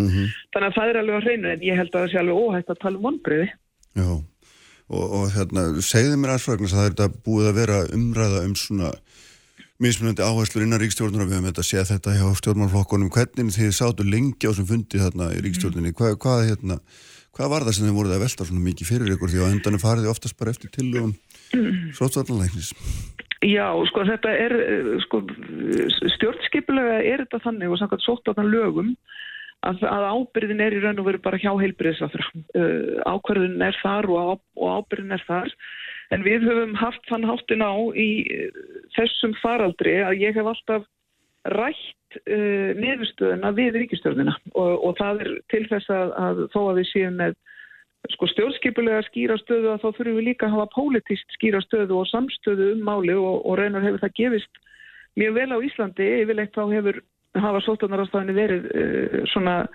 ekki pólitist beitbein, þetta er svona fyrst og fremst eitthvað sem við erum til í að gera og það er ekki síst vegna þess að við höfum farið að ráðum uh, sótarnarlæknis en af hverju var fundurinn svona langur? Um, kannski fyrst og fremst vegna þess að ég held að við höfum öll verið svolítið meðvituð um það að við verðum að fara inn í uh, svolítið inn í nýjan kabla sko hvað þýðir um, bólusett Ísland sem samt er að glýpa með COVID? Þa, það var ekki partur af, af svona þeirri framtíða sín kannski sem við vorum að ræða uh, fyrr í faraldrinum. Við letum öll svo á að við myndum sko dundra samfélaginu gegnum bólusetningar og það er náttúrulega gengið sko afspyrni vel algjörlega á heimsmæli hvarða. Eh, en þarna vorum við komin á þann punkt að við erum búin í raun og veru að ná mjög eh, mikillir dekkun á bólusetningu en samt sem aður erum við að sjá þessi smitt sem eru 70, 80, 90 á dag sem að er óasettanlegt, það er alltaf mikið uh, með þá sko áhættu sem að liggur í þeirri, þeim tölum að þér varða sko alvarleg veikindi. Mm -hmm. þannig að þá þurfum við að spyrja okkur byttu inn í hvaða veruleika er við að fara. Sko. Við erum núna og í, á, á þessum fundi vorum við raun og veru bara að taka afstöðu til uh, tillagna Tóróls en á fundinu vorum við líka að ræða inn í hvaða veruleika er við að fara og við þurfum stefnumótun til lengri tíma með það að markmiða að lámarka veikindi og hámarka frelsi því að það er auðvitað þessi -hmm. línudans sem við erum alltaf í sko. Hvað, hvaða mynd finnst þér vera, vera teiknast upp í þessu þess að ég held að svona, við sem erum bara svona eh, almennir áhörvendur við erum alltaf gabandi yfir því að, að þetta áttak sem að bólusendingar áttak sem að menn hafa talað um sem að jú það er alveg rétt að þetta er auðvitað veikindavörð fyrst og fremst en var líka mjög mikið rætt um sem smitvörð í raun og veru, ég held að það hefði svona verið almennur skilningur hvað sem var nú réttur eða rangur Mm -hmm, já, eins og, og eins og Þóraldur hefur alltaf sagt sko að þá erum við í raun og verið að vinna með þetta allt saman í rauntíma, við erum að afla okkur upplýsinga bara jafn harðan þannig að við erum að sjá bara uh, bæði virkni einstakra bóluefna gagvart einstakum afbryðum og svo framvegis og við erum bara að lesa okkur til bara frá degi til dags í raun og verið í hvaða stöðu við erum. Um, en, en sko bólusetningarnar hafa í grunninn gengið með vel, þær eru í grunninn að verja okkur mjög vel fyrir uh, alvarlegum veikindum en ég held að það sé alveg ljóst sko að ef við erum að horfa inn í einhverja framtíð og ef við erum að segja að kórnuveiran verði partur á okkar lífi og ég hefði aðeins eh, brota því sem að Már Kristjánsson var að tala um að þetta er bara partur af veruleikanum inn í einhverju framtíð að þá erum við þetta að tala um uh, það að bólusetningar verði það líka. Uh, að við séum að bólusetja þjóðina með reglubundum hætti einhvern veginn með einhverju bóluefni sem að mögulega verður betur aðlagað af þessum afbröðum sem að við erum að, að glíma því núna. En, en stærri spurningar eru kannski fyrir okkur akkurat núna uh, hvað, sko, hvaða ráðstafanir uh, þurfum við að hafa á landamærum. Mm. Uh, við höfum litið svo á að ok, ef þú ert bólusettur þá eru engar takmarkanir en svo eru við að sjá að þar er akkurat lekin inn í landið þannig að við erum að breyta þeim ráðstöfunum, verða þær varanlegar og hversu lengi. Um, eru við með varanlegar ráðstöfanir innanlands eða eru við þá kannski í, í einhverju framtíð þá er ég að tala um eftir 6 eða 12 eða 18 mánu eða hvað, er við þá kannski frekar að tala um almenn tilmæli og, og, og fyrst og fremst personubundna sóttvarnir Uh, frekar heldur en, heldur en uh, samkominntakmarkanir á þeim skala sem við höfum verið að vinna með og svo er það auðvitað kannski spurningin sem við þurfum að horfast í auðu við um, hvað með heilbriðiskerfið okkar sko? Mm -hmm. af því að við erum búin að vera að, að vinna í raun og vera alltaf eins og við séum í einhvers konar átagsverkefni fyrst töluðum um þetta, já þetta verða einhverjar vikur og einhverju mánuður framvegs og og eins og uh, kerfið er á Íslandi sem að er sko á heimsvísu mjög stert, við sjáum það bara á öllum, öllum hérna tölum og, og þessum mælikverðum sem að notaður eru til að bera saman kerfi en það breytir því ekki að þó að starfsfólki okkar sé rosalega velmentað og, og á, á heimsmælikverða að þá eru eh, er allt mjög fund smurt ég menna starfsfólki okkar er, við erum búin að, að hérna, ganga mjög nærrið í, alveg saman hvort við erum að tala um helsugjastluna, sínatökuna, greininguna, COVID-göngudeild og svo framvist. Þannig að við þurfum að segja við okkur sjálf, þurfum við ekki varanlega styrkingu fyrir heilbriðiskerfið okkar og mögulega setja á mhm. lakirnar einhvers konar sóttarnastofnun frekar en að það sé Eh, það sem byrjar á því að vera aukaverkefni uh, sótunalæknis uh, það verður hans aðal uh, og langt umfram það sem að eðlendur að leggja á einn mann og hans náðasta samstagsfólk mm -hmm. Í næstu því í eitt og halvt ár sko. Mm þurfum við ekki að horfa stöðu við það að þetta verður meira partur á okkar tilveru sko inn í kerfinu til lengri tíma og þetta er svona, þetta eru allar þessar spurningar sem við erum að ræða við ríkistofnaborðið að því að við, við getum hort til sko þessara uh, tillagna sótónaræknis og sagt ég að hann leggur þetta til, þetta er það sem þurfum að gera en þegar ríkistjórn að þá verðum við líka að horfa til uh, lengri framtíðar og þá er það þessu spurningar sem við erum að, að velta fyrir okkur. Mm -hmm. En sko í upphafi þá vorum við mikið að tala um heilbríðskerfið og við erum að verja það og nú held ég að svona fólk spyrir sér byrju það er ekkit, þarf ekkit lengur að verja það þetta er, hérna, það er allir meira minna bólsettur og þetta er óskup svona það er ekki margi veikir og svo framveg hvert er eiginlega markmiði núna með með aðgjörnum, Hva, hvernig lítið, hva, hvað sjáu þið fyrir ykkur, hvaða tilgangi eiga er nákvæmlega að þjóna? Einmitt, sko, við, við höfum alltaf talað um, um þetta tvent, annars verður að verja kerfið okkar og, og hins verður að verja uh, viðkvæma hópa og það hefur alltaf verið það sem við höfum sagt. Og þá segir uh, okkar besta fólk, uh, býtu nú við, við þurfum að sjá hvernig þessum smitum vindur fram. Hvað er þetta þýða, sko, hvað þýða þessi 70, 80, 90 smitt á dag. Eh, hvert munu þau leiða? Við vitum að bylgjan, ef við horfum á bylgjurnar okkar fyrst og aðra og svo framvegist, þá sjáum við að smittbylgjan rís og tveimur vikum síðar þá rís innlagnabylgjan. Að, og það er auðvitað í óbólusettur samfélagi. Nú erum við með bólusett samfélagi og þá er það í raun og veru okkar verkefni að sjá hvað verður um þessi uh, smitt og þess að hópa sem er að smittast verða þarna alvarleg veikindi og, og ef að við undum bara eftir aukslum að segja heyrðu, við ætlum bara að sjá um, hvernig þetta gerist án þess að fara í neina takmarkanis að þá gætu við þess vegna með þessum uh, hröð, þessari hröðu útbreyslu mm. að þá gætu við verið að tala um mjög stóran faraldur sem að væru sko fleiri þúsund manns og þó að það væri bara brota brota þeim hópi og þá væri við að tala um einhverja tíu eða mögulega hundru sem yrðu mjög alvarlega veik.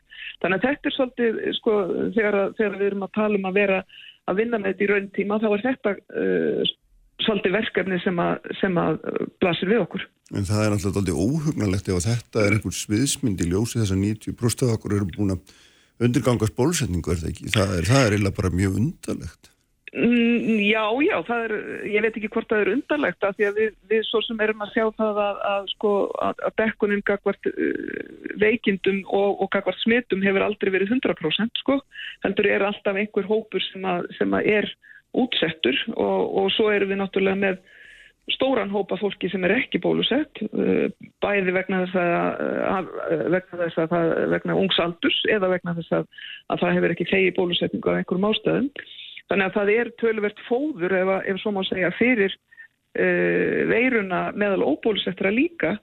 En það sem er kannski fyrst og semst áhugavert í lengri tíma er þessi hópur sem að er bólusettur en er samt að uh, fá veiruna og að veikjast. Og, og við erum að sjá núna hjá COVID-göngudelta það, það er þó nokkur fjöldi sem að er þar í, í eftirliti og, og þau hafa þann háttin á að þau uh, merkja í raun og veru alla sem eru farindur eftirliti á gullt og raukt eftir því hversu álagt viðkomandi er því að, að leggjast inn uh, og, og þá sjáum við að, að, að þeim fjölgar sem að líklegt er að mögulega þurfa að leggjast inn uh, og, og það er raun og veru bara okkar skilda að gæta vel af því að taka ekki ómikla áhættu með útbreysluna og þess vegna uh, leggur sóttáðanlækni sleppa til. Mm -hmm. En ég tek algjörlega undir að með þér að, að þetta er ekki alveg svo stemning sem við vildum vera í núna en, en við höfum, uh, okkur hefur lánast að ná vel utanum verkefnin hinga til, bæði gagvart faraldrinum og gagvart uh, bólusetningum þannig að við vonumst til þess að gera það áfram. Já,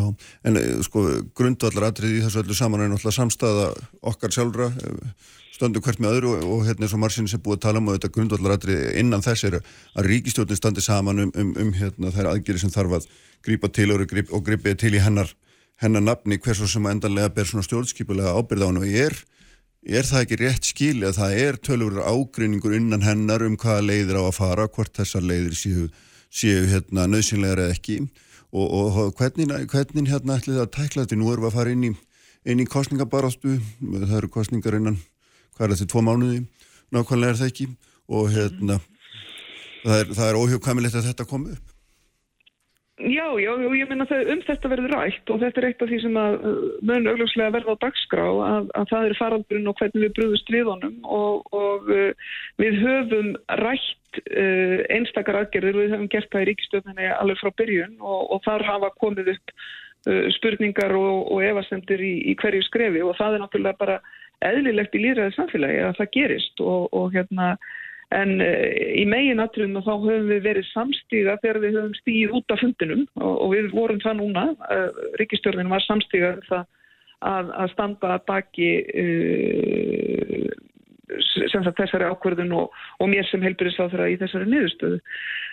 Þannig að, þannig að svo verður bara hver að svara fyrir sig í raun og veru þegar, þegar nærdregu kostningum en eins og þú bendir á að þá hefur það verið okkar styrkur á Íslandi að það hefur verið mjög mikil samstafa um þessar aðgerði bæði í samfélaginu og í stjórnmálunum vegna þess að við sjáum í löndum þar sem þetta hefur orðið politist bitbein og þar sem að fólk er jafnvel að, að hérna, eh, ræða það sko uh, svona eins og það sé snúist fyrst og fremst um pólitíska afstöðu hva, til hvaða ráðstafandi gripið að þá hefur það líka uh, smitast út í uh, samfélagið og, og valdið sundrungu og þar með ekki almennrið þáttöku í uh, sóttanarástöðunum. Mm. Þannig að það hefur verið okkar sérstað og ég held að það sé muni mögulega reyna töluvert á pólitíkina núna á næstu vikum og mánuðum í því að, að falla ekki þá fristni að láta uh, sóttanarástöðunir verða einhvers konar pólitísk byggbein. Já, en sko almenningu náttúrulega hefur staðið þetta baki hérna, þeim ráðstöðunum sem að, sem að gripi hefur verið til, er gett að segja annað en auðvitað svona einhverjum tímapunkti þá þrítur langlundagi, það er náttúrulega augljóst og þetta er hérna, eins og þú er búin sjálf nefna mikil vombrið og svona, ég myndi að hafa svona, í þínum spórum er það ekki auðvitað áhyggjur af því að það er erfitt að skapa sömu samstöðu núna um, um hertar aðgjörð eins og, eins og hérna áður Jú, sko vantanlega að, að þá verður það alltaf erfiðara eftir því sem þessu vindur fram og þess það skiptir mjög miklu máli sko þessi áhersla sem að uh, við höfum lagt hér og, og almannavarnir og sóttallæknir á mjög, mjög sko opið upplýsingaflæði. Þannig að, þannig að uh, sko almenningi sé ljóst hvaða forsendur liggja baki ákvörðunum á hverjum tíma og við höfum reynd að hafa það alveg skýst líka á hverjum tíma að ráðstafanir eru aldrei uh, hvað ég segja harðari heldur en, en eh, málefnarlega rauk segja tilum og ég hef til að mynda núna orðið frekar vörð við það að fólk hafi jafnvel verið búið að búa sig undir harðari aðgerðir heldur en, heldur en við síðan reyðumst í. Þó að þetta ymsir rekstra aðeinar uh, séu í vanda við þessar breytingar Um, en, en eh, ég hef fyrst og fremst fundi fyrir því að, að samfélagið er, við erum þáttið stolt af því að hafa verið sko öflug í þessu að, að við höfum svona í meginatrum snúi bökum saman. Uh, við höfum náttúrulega verið sko með ólíkindum heppin með uh, sóttarnarleikni uh, og ekki bara vegna þess hvað hann er öflugur vísindamæður, heldur líka bara vegna þess hversu hversu lagið, hversu gott lag hann hefur á því að, að miðla upplýsingum og, og ræða opið við almenning og, og líka að segja frá því þegar við höfum ekki allt svörin. Og það er ágættir skóli fyrir okkur stjórnmálafólkið að, að það er líka í lægi að segja við veitum ekki nákvæmlega hvernig þetta fer. Mm -hmm. Og það er náttúrulega alveg auðvist að svo er staðan í ögnablíkinu, við höfum ekki grænan grunum hvert þetta er að fara, er það ekki rétt? Já, ég nú ekki að við höfum ekki, við höfum ekki grænan grun, við erum náttúrulega með með stjórntæki, eins og ég segi, það er bólusetningar og við veitum hvað við getum gert á landamærum, við kunnum á þessar ástæðan innanlands, við veitum um persónabundna sótvarnir og svo framvegis og við veitum hvert álægi hefur verið á, á heilbríðiskerfið okkar. Þannig að við, við svona vitum nokkur með hvaða verkfæri við erum með en, en við þurfum að vera tilbúin til þess hér eftir sem hinga til að meta og endur meta og, og, og horfast í auðvitað við það að, að það er veiran sem ræður ferðinni mm. og, og hérna allar tímalínur sviðsmyndir eða hvað þetta nú er sem þetta heitir á, á hérna að máli stjórnmálana uh, þær mega sín lítils uh, frammeð fyrir veiru sem að, sem að stökkbreytist og tekur hérna uh, kollmýsa hér um, um alla heimsbyðina sko. mm. þannig, þannig að við þurfum að að vera tilbúin og umjúk fram með fyrir því verkefni og, og, og höfum verið að hinga til og ég vona eh, og mætu þess að við verðum áfram. Mm. Sko það er náttúrulega svo sem alveg, það blasir við að, að því opnari sem leiðinir inn í landið, hvort sem við kallum þannig landamæri eða flugstu eða mm. hvað sem það nú er, þeim er þetta greiðari leið á veiran inn í landið, það blasir við og, og það er svona kannski einfaldasta leiðin er að herða en frekar á því að, að hérna, fólk geti komið ynga og, og ég sjálfu sér, hugsa ég, var ekki 90% stuðningu við einhverju kannun fyrir um það bila ári um að hérna, það var rétt að herða, herða frekar aðgerir á landamænum til þess að þeir sem að hér væru innanlandsketu þá svona hreift sig, hreift sig óhindraðar heldur en ella og ég meina það hlýtur að vera eitt af því sem þið eru að velta fyrir ykkur núna, hvernig hérna, þið, þið balansir í þetta? Jú og, og það hefur alltaf verið, sko sá forgangur hefur alltaf verið klár hjá okkur að við höfum alltaf lagt meiri áherslu á opnununa hér innanlands uh, og við gerum það núna líka þegar við erum að uh, gera kröfu um neikvægt próf, hvort sem er PCR-próf eða, eða, eða hraðpróf fyrir bólusetta sem er að koma til landsins. Þannig að, þannig að það er auðvitað herðing á landamærum og, og hér innanlands eru þessar aðgerri sem við kynntum til sögunar núna á dögunum, þær eru uh, minna íþingjandi heldur en, heldur en hefði verið með, með opnari landamæri, það er algjörlega ljóst. En það, það er sem sagt hérna, hvað hva, hva gerist ef við segja nú sko að, að, að þetta haldi áfram eins og þú nefndir að við sjáum eftir tær vikur einhverja svona, einhver, einhvern endur kast af þeirri bylgi sem við erum að upplifa núna, erum við þá að, að fara í enn harðari aðgerir, erum við einhvern veginn að svaka tilbaka í svipaðan stað við höfum áður verið? Nei, sko, ég, það hefur ég nú lært á þessari leið að, að það er mjög erfitt að spá fyrir um það á hvaða stað við verðum eftir hverfikur, sko. Við, en við vitum það að aðgerðir í raun og veru far ekki að hafa áhrif fyrir en eftir tvær, ja, tíu dagar hverfikur og, og, og það gildir hvort sem eru landamæri eða, eða innlandsakirðir. Þannig að það er í raun og veru þá sem við sjáum. Nú erum við að sjá uh, þennan fjölda, 70, 80, 90 smitt á dag og og fólk er ekki mikið veikt þannig að það má vænta þess að, að smitin séu töluvert meira útbreytt að, að, að COVID sé víðar á kreiki í, í hérna enginlösu fólki. Uh, og við fyrum að sjá uh, áhrifin af þessum aðgerðum eftir þessar tvær vikur. Og, og þá komum við til með að sjá hvort að þær döga og líka uh, þá komum við til með að sjá betur hvernig þessum hópi reyðir af sem að hefur fengið smitt og, og hversu alvarleg veikindin verða. Og það verða allt saman forsendur til þess að byggja ákvarðanir á. Uh, á sama tíma eða umstabil uh, á sama tíma þá, þá erum við að sjá áhrifin af því að, að gera þessa kröfu um, um neikvægt prófa landamærum fyrir bólusetta mm, mm, þannig að til... þetta spilar svolítið saman. Já, já, en tilnefingin er náttúrulega alltaf svo að vilja hérna, hafa vaði fyrir neðan sig uh, vera varfær og varfærin og hérna og, og, og í ljósi þess svona líka aftur sko að einmitt eins og nefnir veikindin er ekki alvarleg og þau er ekki útbreytt og, og það er ekki margir á súgrási og við erum öll bólusett sem að nefni þá ennu aftur að þá hérna þá er þetta einhver sviðismynd sem að svona já svolítið uh, býst nervit að skilja Já, já, en, en ég menna þetta er svona. Við þurfum, að, við þurfum í raun og veru að sjá hvernig þessi bylgja heldur áfram og, og hvernig þessar uh, ráðstafanir okkar býta í bólusettur samfélagi. Það er það sem að, uh, er í raun og veru verkefni og, og að sjá hvernig, hvernig uh, þróunin verður. Við verðum að hafa þólumæði til þess, við verðum að hafa það hinga til. Ég held að við höfum það núna líka. Það er mikið af spurningamerkjum og ég til dæmis nefni það að snemma í faraldurinu var talað um það að, að, að bóluefna framlegendur og við minnum að það hefði sérstaklega verið Pfizer töluð um það að það væri tiltulega einfalt að aðlaga bóluefnið að mögulegum stökkbreytum afbröðum og það er líka spurning sem að þarf að fá svar við hvað þýðir það, hvað þýðir tiltulega einfalt á, á máli bóluefnaframlegenda þýðir það að við þurfum að fara í gegnum sömu prófanir og, og, og, og leifisveitingar og svo framvegs eða, eða tekur það steyttir tíma, ég veit það ekki. Það er, það er eina af þessum spurningum sem við þurfum að, að svara.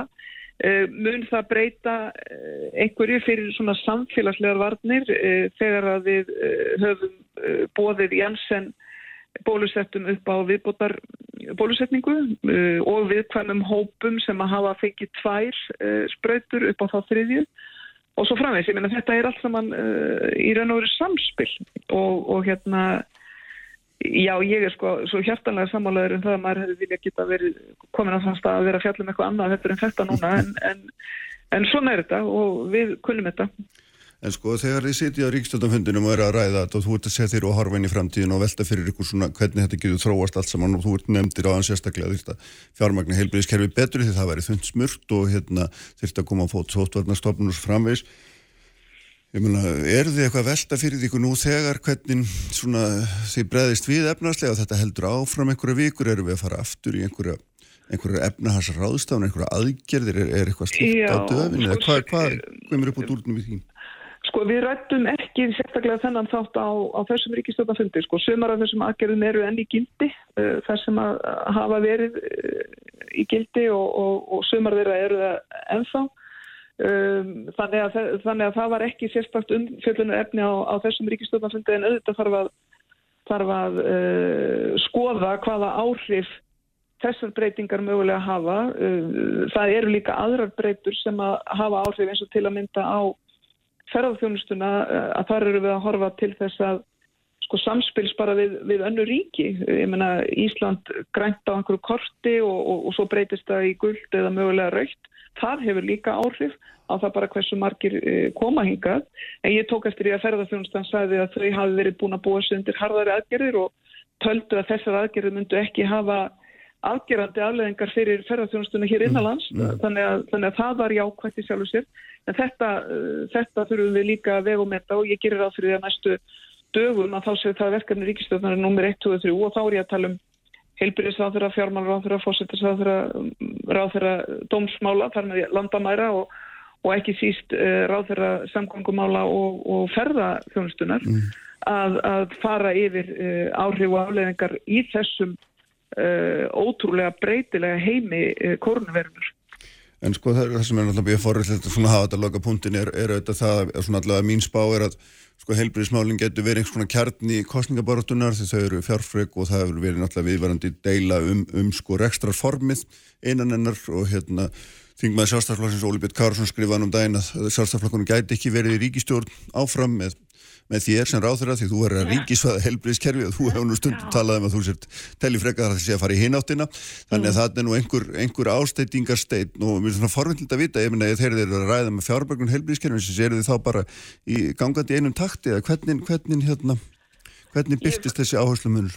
Já, það er náttúrulega auðvist að það er áherslumunur í stjórnmálum uh, að þér varðar uh, þennan þátt en það er líka jafn skýrt að, að uh, Íslands samfélag stendur með ofinbæru heilbríðiskerfi og ofinbæru heilbríðiskerfi hafa sannan sína yfirburði á heimsísu. Ég menna það eru sterkustu og örugustu heilbríðiskerfin, það eru hinn norrænu heilbríðiskerfi sem eru ofinbær uh, eh, og uh, en samþygt heilbríðistefna sem alþingi samþygti með 42 atkvæðum og það var nú ekki bara vinstikræðin atkvæði í þinginu uh, að þar, þar er samþygt í raun og veru að styrkja og skerpa á uh, línum í heilbyrðiskerfinu okkar og það er hverki talað um að afnema engaregstur uh, í þeirri stefnu og, og hérna þannig að það er nú verið að draga fram einhverja póla þarna í, uh, í svona hvað ég að segja, í aðdraðanda kostninga en, en ég hef alltaf talað fyrir því að ofinbært heilbyrðiskerfi er og verður alltaf fyrklengjan í íslenski heilbyrðisjónstu mm. og, og, og í, á mínum tíma þá höfum við til að mynda bætt við á núverið við sko 25% í hilsugjæslina, 14% á landsbytalan, uh, hafið uppbyggingu uh, á uh, nýju, nýju húsi meðferðarkjartans við Ringbröð, sett aukið fyrir í geðhelbyrðistjónustu og dreyð úr greiðsli þáttöku sjúklinga og Og þetta er allt saman í, í þessum uh, anda en á sama tíma höfum við að gera uh, samninga um veitingu þjónustu við uh, rekstraðila hjúkunaheimila, við, við rekstraðila, við S.A.A., við Reykjalund og, og fleiri og fleiri engaðila og það eru náttúrulega yfir 200 samningar í gangi á hverjum tíma við engaðila veitingu heilbyrjastjónustu. Að, og það, það hefur enginn talað fyrir því að, að það ætti að afnema uh, þann rekstur. En við höfum bara talað um það að það þurfti að, að hafa hann skýrari og, og við þurfum að bæta gagsæði þar hvaða þjónustu verða að veita fyrir ofinbært því fyrir þessa peninga og að tryggja það að þjónustan sé veita fórsendum uh, sjúklinga en ekki þjónustu veikanda að við séum innan fjárlaga að við séum að tryggja jafnræði óháð búsettu að þjónustunni og svo framveist Þannig að, þannig að ég held að, að hérna, eh, ég í, á mínum tíma í heilbríðssamfunnu hafi fyrst og fremst verið að, að starfa í anda samþýttra heilbríðsstefnu sem, sem alþingi samþýtti út fyrir stjórnamælslutan eh, en, eh, en þingflokku sjálfstæðarflokksins greiti aðkvæði með þeirr stefnu. Ljómandi, hérna, við sjáum hvernig fra, hverju framvindu Sandís hérna verður forveitnilegt að fylgjast með næstu dögum og vikum í, í þessum málum öllum en takk hjálpa fyrir að vera með okkur í dag. Takk sem leiðist. Kraftmikil umræða alla sunnudaga. Sprengisandur á bylgjunni. Sælir afturlustendur, uh, Sandi Svagastóttir farin frá mér uh, eftir umræður um COVID sem hafa svo sem, hafa svo sem hérna, verið alls ræðandi hér í morgun. Ég ætla aðeins að fara í aðra fara át í aðra salma. Hérna Rakel Gumstóttir er í símanu frá Akureyri. Hún er stjórnmálafræðingur og hefur verið að rita bæði rítgerir og greinar um loslasmálinn og hérna mjög skelegar. Sælir blessur Rakel. Sæl. E, þú hefur verið að skrifa mikið um, um það sem við getum kallað hérna neysluhyggju annars vegar og lofslagsmál hins vegar og hvernig þetta tvent svona hvernig þetta tvent samrýmist eða öllu heldur samrýmist ekki. Og þú ert svona, er það ekki að svona uh, lega því líkum að ef, ef við draugum ekki um neyslu verulega þá verður okkur erfitt að, að ná markmiðum í lofslagsmálum ef ég skil svona þinn, þinn bóðskap rétt. Já, akkurat. Hvað er það svona, hvað, hvað ert að hugsa nákvæmlega í þessum? Um, sko, þess að ég uh, skrifaði grein núna hérna, fyrir stuttu uh, fyrir kjarnan sem að byggir á mestarriðgenum minni. Um, og þar er ég að skoða uh, sérstaklega vegarsamgöngur þetta svo sem ávið um kannski allt og fjalla um í rauninni neysluhyggjuna og kannski þessa stefnu að við getum leist lofslagsvandan með því að neyta öðruvísi bara um, og kannski svona setja spurningamerki við það og að við þurfum öllu heldur að draga úr neyslunni um, og já það er svona það sem ég hef verið að skoða bæði í bara í, í bíanámanum mínu, meistarnáminu mm -hmm. og svo mhm. líka verið að skrifa eins um þetta Já, og, og, og, og svona svo að því að svona neyslan byggir náttúrulega á, á hérna, framleyslu og framleyslan skapar störf og þess störf þannig að svona Þannig að þetta er svona einhver keðja þarna sem að þér, svona þú myndir segja að væri þá komast í ákveði uppnám og þurfa að horfa á með, með öðrum hættum við höfum verið að gera. Já, algjörlega. Um, auðvitað að þú veist, Neistlan, um, já, uh, fyrir að ég er þetta hérna smá út. Um, já, ég held að, já, um mitt, við þurfum að horfa á þetta með öðrum hætti. Um, ég er kannski pínu að gaggrina um, sérstaklega við uh, tökum hérna greina sem ég var að skrifa núna nýlega gaggrína í rauninni stefnu stjórnvalda uh, á því að miða alltaf lausnina við lofslagsvandanum að einhverju annars konar neyslu. Og ef við tökum bara núna til dæmis vega samgöngunar uh, sem dæmi að því að ég er búin að vera að skoða það sérstaklega um, að þá einhvern veginn er stefna svolítið miður að þessari rafbílavæðingu eða orkuskiptum í samgöngum og maður heyrir oft sko að þú veist við erum í öðru sæti þegar kemur að nýskangur rafbíla og svoleiðis og þeir eru auðvitað mjög mikilvægir. En ég er svona að benda á það að það eru aðrar beitingar líka sem að skipta máli og jáfnveil meira máli. Um, og það er til dæmis fjöldir ansóknum við bara sínt fram á það að það þurfum við að við ætlum að ná þessum lofslagsmarkmiðum að draga úr bíla egg, draga úr nýslunni um, sem er náttúrulega greiðilega mikil líka á Íslandi. Bílaegn á Íslandi er, við erum með flesta bíla í Evrópu með við höfðatölu. Um, þannig að það er svona eitt, þú veist, að draga úr bílaegninni og síðan nótkunn um, og ferða þörf og það þurfa að vera, vera einhverja svona viðhorsbreytingar og þetta við ekki bara um bíluna heldur eins og þú segir almennt bara uh, allar neyslu vörur og það þarf að draga uh, það þarf einhvern veginn að breyta viðhorfinu mm -hmm. um, og breyta síðan þessari bílamenningu sem er alltaf mjög ríkjand af Íslandi um, og það er kannski þetta sem ég er svona fyrst og fremst að benda á og við erum bara tökum við afbyrjun að þú veist eins góðir og þeir eru þá er þetta samt ennþá bílas þú veist Já. þeir eru kólfnisveikir í framvöðslu um, og þeir krefjast innviða eins og vegi og bílastæði og allt þetta og það er vandamál sem við erum það heldur ekki að takast á við sko. um, og ég er svona að benda á það þú veist miða við þetta stóra verkefni sem við stundum fram með fyrir uh, að koma í veg fyrir lofslagsbreyndingar eða lofslagssamfarir þá í rauninni er ekki endilega nóg að bara skipta um orku gjafa og þú veist halda áfram að lifa lífinu eins og áður fyrr.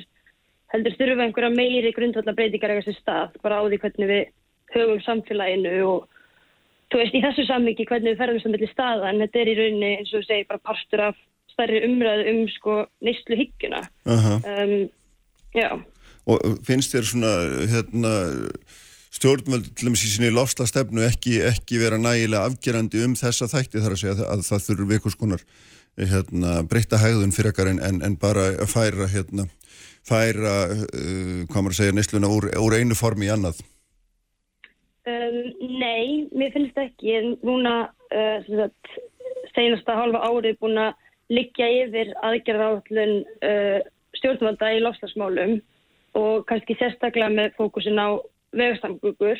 Um, en það virðist vera pínu þessi svona ofur áhersla á, þú veist, orkusskiptin og flestar aðgerðir snúað orkusskiptum og það er gert ráð fyrir að losun við dragast meir, saman meira út af þeim heldur um til dæmis breytum ferðaveljum og það er lítið líka bara almennt séð kannski talað um að draga úr neyslu um, og það er líka mjög gott að skoða sko, eins og ef við tökum bara þú veist stefnu stjórnvalda á aðgerra allunna að skoða sko hvað, hvað hún segir, hvað kemur fram það en líka hvað stendur ekki. Um, og það er lítið talað um til dæmis að draga úr neyslu eða nótkun á bílnum og lítið er að miða því að draga úr ferðarþörf og bara gott dæmi um þetta uh, sem við erum að horfa á vegarsamgöngunar þá er sem gerir aðgerðar á allir ráð fyrir því að með þessum aðgerðum sem þarna eru þá muni fjöldi ferða á yngabilnum fara úr sko 76% í 69% uh, til ásins 2030 Þannig að sko þá munir ferðir á yngabil dragast saman um 10% á 10 árum. Og þetta er kannski svona, finnst mér gott dæmið, þetta sýnir að við erum samt ennþá að gera ráð fyrir því að yngabillin verði megin ferðamáttinn þannig að þú veist það er ekki verið að draga úr bílanótkun heldur bara svona einmitt breyta eldsneiti bilsins mm -hmm. og þetta eru, þetta eru svona krúsjál ár, þessi tíu ár það tala um að þetta sé áratugurinn sem við höfum til þess að eru neitt draga nóg mikið úr losun og komið vekk fyrir um, alvarlegustu afleðingar lofslagsbreytinga eða lofslagshamfara. Þannig að, já, mér finnst stjórnvöld kannski ekki vera að gera nóg þegar kemur að þessu að þess að uh, breyta neyslu og draga úr neyslunni. En, en þetta er náttúrulega, er það ekki í raun og veru svona, þessi hluti er stærsti, stærsti þátturinn í þessum 55% hérna niðurskurði á, á útblæsti er það ekki á næstu, næstu, næstu árum, tíu árum? Jú, já, nákvæmlega, vegaðsangur er já, stærsti hérna, losuna þátturinn sem er á svona bytni ábyrð íslenska stjórnvalda og ég held að þeir byrja ábyrða á sko rúmlega 30% af losunni, 33%. Mhm. Þannig að ef við ætlum að ná markmiðum og skuldbindingum Parísáttmálan sem að núna erum við búin að skuldbökundur okkur um hérna, þessi 55% eins og þú segir, að þá skiptir mjög miklu máli að það takist vel að draga úr losun frá þessum geira. Og því að finnst þetta ekki sem sagt vera samfærandi tillögur.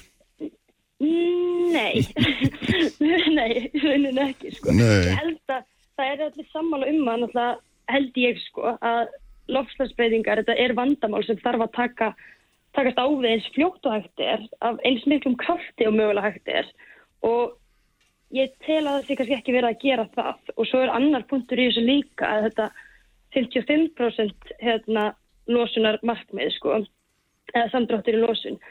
Uh, það er líka rannsókn sínt fram á það að það sé ekki einu sinni nógu metnaðarfullt. Uh -huh. Þannig að, já, það er held ég bara, ég tel að það sé mikilvægt að gera eins mikið og hægt er og rannsóknir hafa líka sínt fram á það að sko ávinningurinn af því að breyta ferðavennjum getur verið í rauninni meiri og einhvern veginn haft áhrif fyrr heldur en að skipta út bílaflottunum yfir í rafbíla. Um, en svo það sé algjörlega hreinu þá ger ég mig grein fyrir því hversu frábæri rafbílar eru á margan hátt. Um, já. En hvað hva svona, þú veist, hérna, þú hefur líka verið að fjalla eins og það er svona, sagt, hvernig stjórnmálinn takast á við þessi, þessi mál, ekki satt, hvernig þau, hérna, hvernig lofsla stjórnmálinn eru rekin og hvað svona, hvað, hvað tógar í þá spotta? Já, akkurat. Jú, það er náttúrulega, ég tel að, þú veist, stjórnvöld um, beri freka mikla ábyrð og þurfa að gera ímislegt til þess að einhvern veginn hjálpa okkur einstaklingum og neytundum til þess að einhvern veginn uh, fara í rétt átt. Og það er náttúrulega það er mjög leiðilegt, sérstaklega kannski fyrir þú veist neyslu freka þjóð eins og Íslandinga að heyra það að það þurfa að draga úr neyslu. Og ég skil það alveg að það vill engin stjórnmálumáður vera í rauninni sá sem sko segir fólki að þurfa að draga úr neyslu, þú veist, fara í fara í utanlandsverðir eða kaupa færi bíla.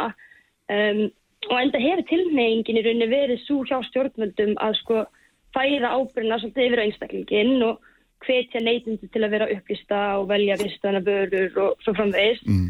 En ég held að við séum bara komin í rauninni á þann stað sko að stjórnvöld þurfa að taka skrefið og nýta í rauninni bara þessi tæki og tól og veist, skatta og kvata og allt þetta sem þið hafa til þess að henni hafa áhrif á nýsluna.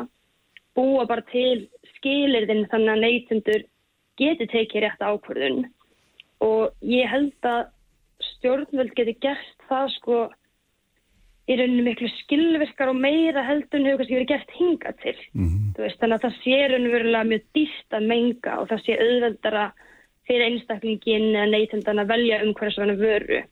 Gera það, þú veist, bara að raunverulega möguleika nota almenningssamgöngur, auðveldar fyrir fólk að hjóla mellir staða og svo framvegis.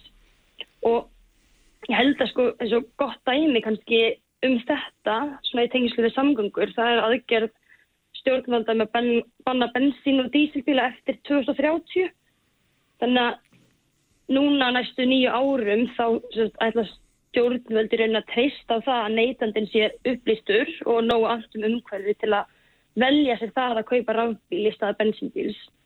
Og þú veist, vissulega eru mjög margir að kaupa sér rafbíla en það er samt ennþá stór partur uh, að kaupa sér bensín eða dísilbíla og Já. þarna geta stjórnvöld komið inn og bara banna innflutning uh, á svona brunabílum og þau geta fært þetta fram í tíman. Það er í rauninni ekkert því til fyrirstöðu sko.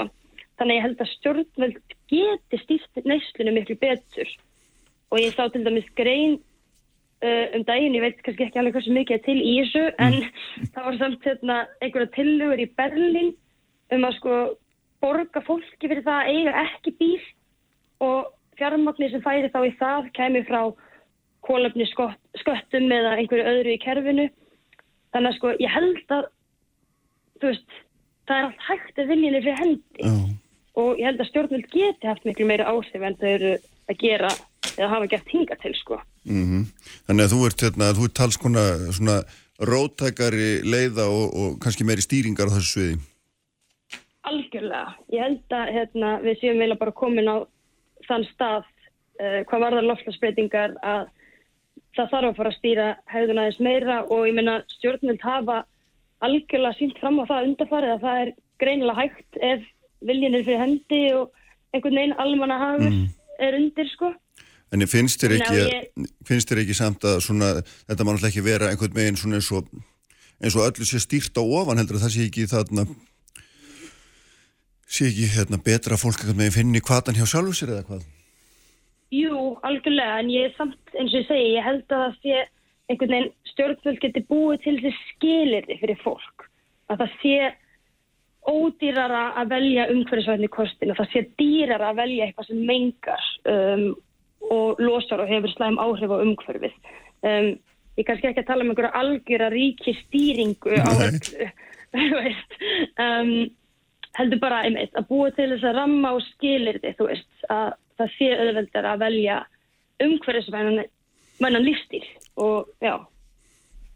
Þannig að, og ég held líka sko að þú veist partur af þessu eins og þessi græna umbylting sem að í rauninni þarf að eiga sér stað, þú veist. Um, það er mjög mikilvægt að það verði svona, þú veist, just transition eða svona einhver rétt lát umbylting, ég veit ekki alveg hvað er íslenska orðið fyrir þetta.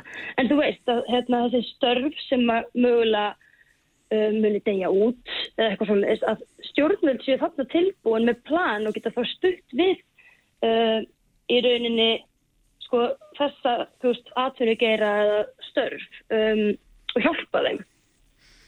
Þannig að ég held að það fyrir líka eitt punktur í þessu. Já, nákvæmlega, hérna, við verðum að, það er eins og alltaf rækilega þarna tíminn hleypur frá okkur og hérna, en takk fyrir þetta, þetta var fróðlegt hérna að heyra þetta sjónamið og, hérna, og ég heyra að þú ert talskona þess að við, hérna, grípum til harðarir að- aðgerða og, og hraðar. Bestu þakkir, bestu þakkir fyrir spjallið. Takk fyrir. Takk, takk, og hérna, sprengisandinu verðum við nú að láta lokið í dag. Uh, Ívar Stafi Haldursson stýrir þetta útsendingu eins og hann gerir alltaf allt efni í vísi.is, bilgjam.is og hvarvetna það sem þið finnið hlaðvarp og svo verði hér á dagskrá aftur eftir vikum. Verðið sæl.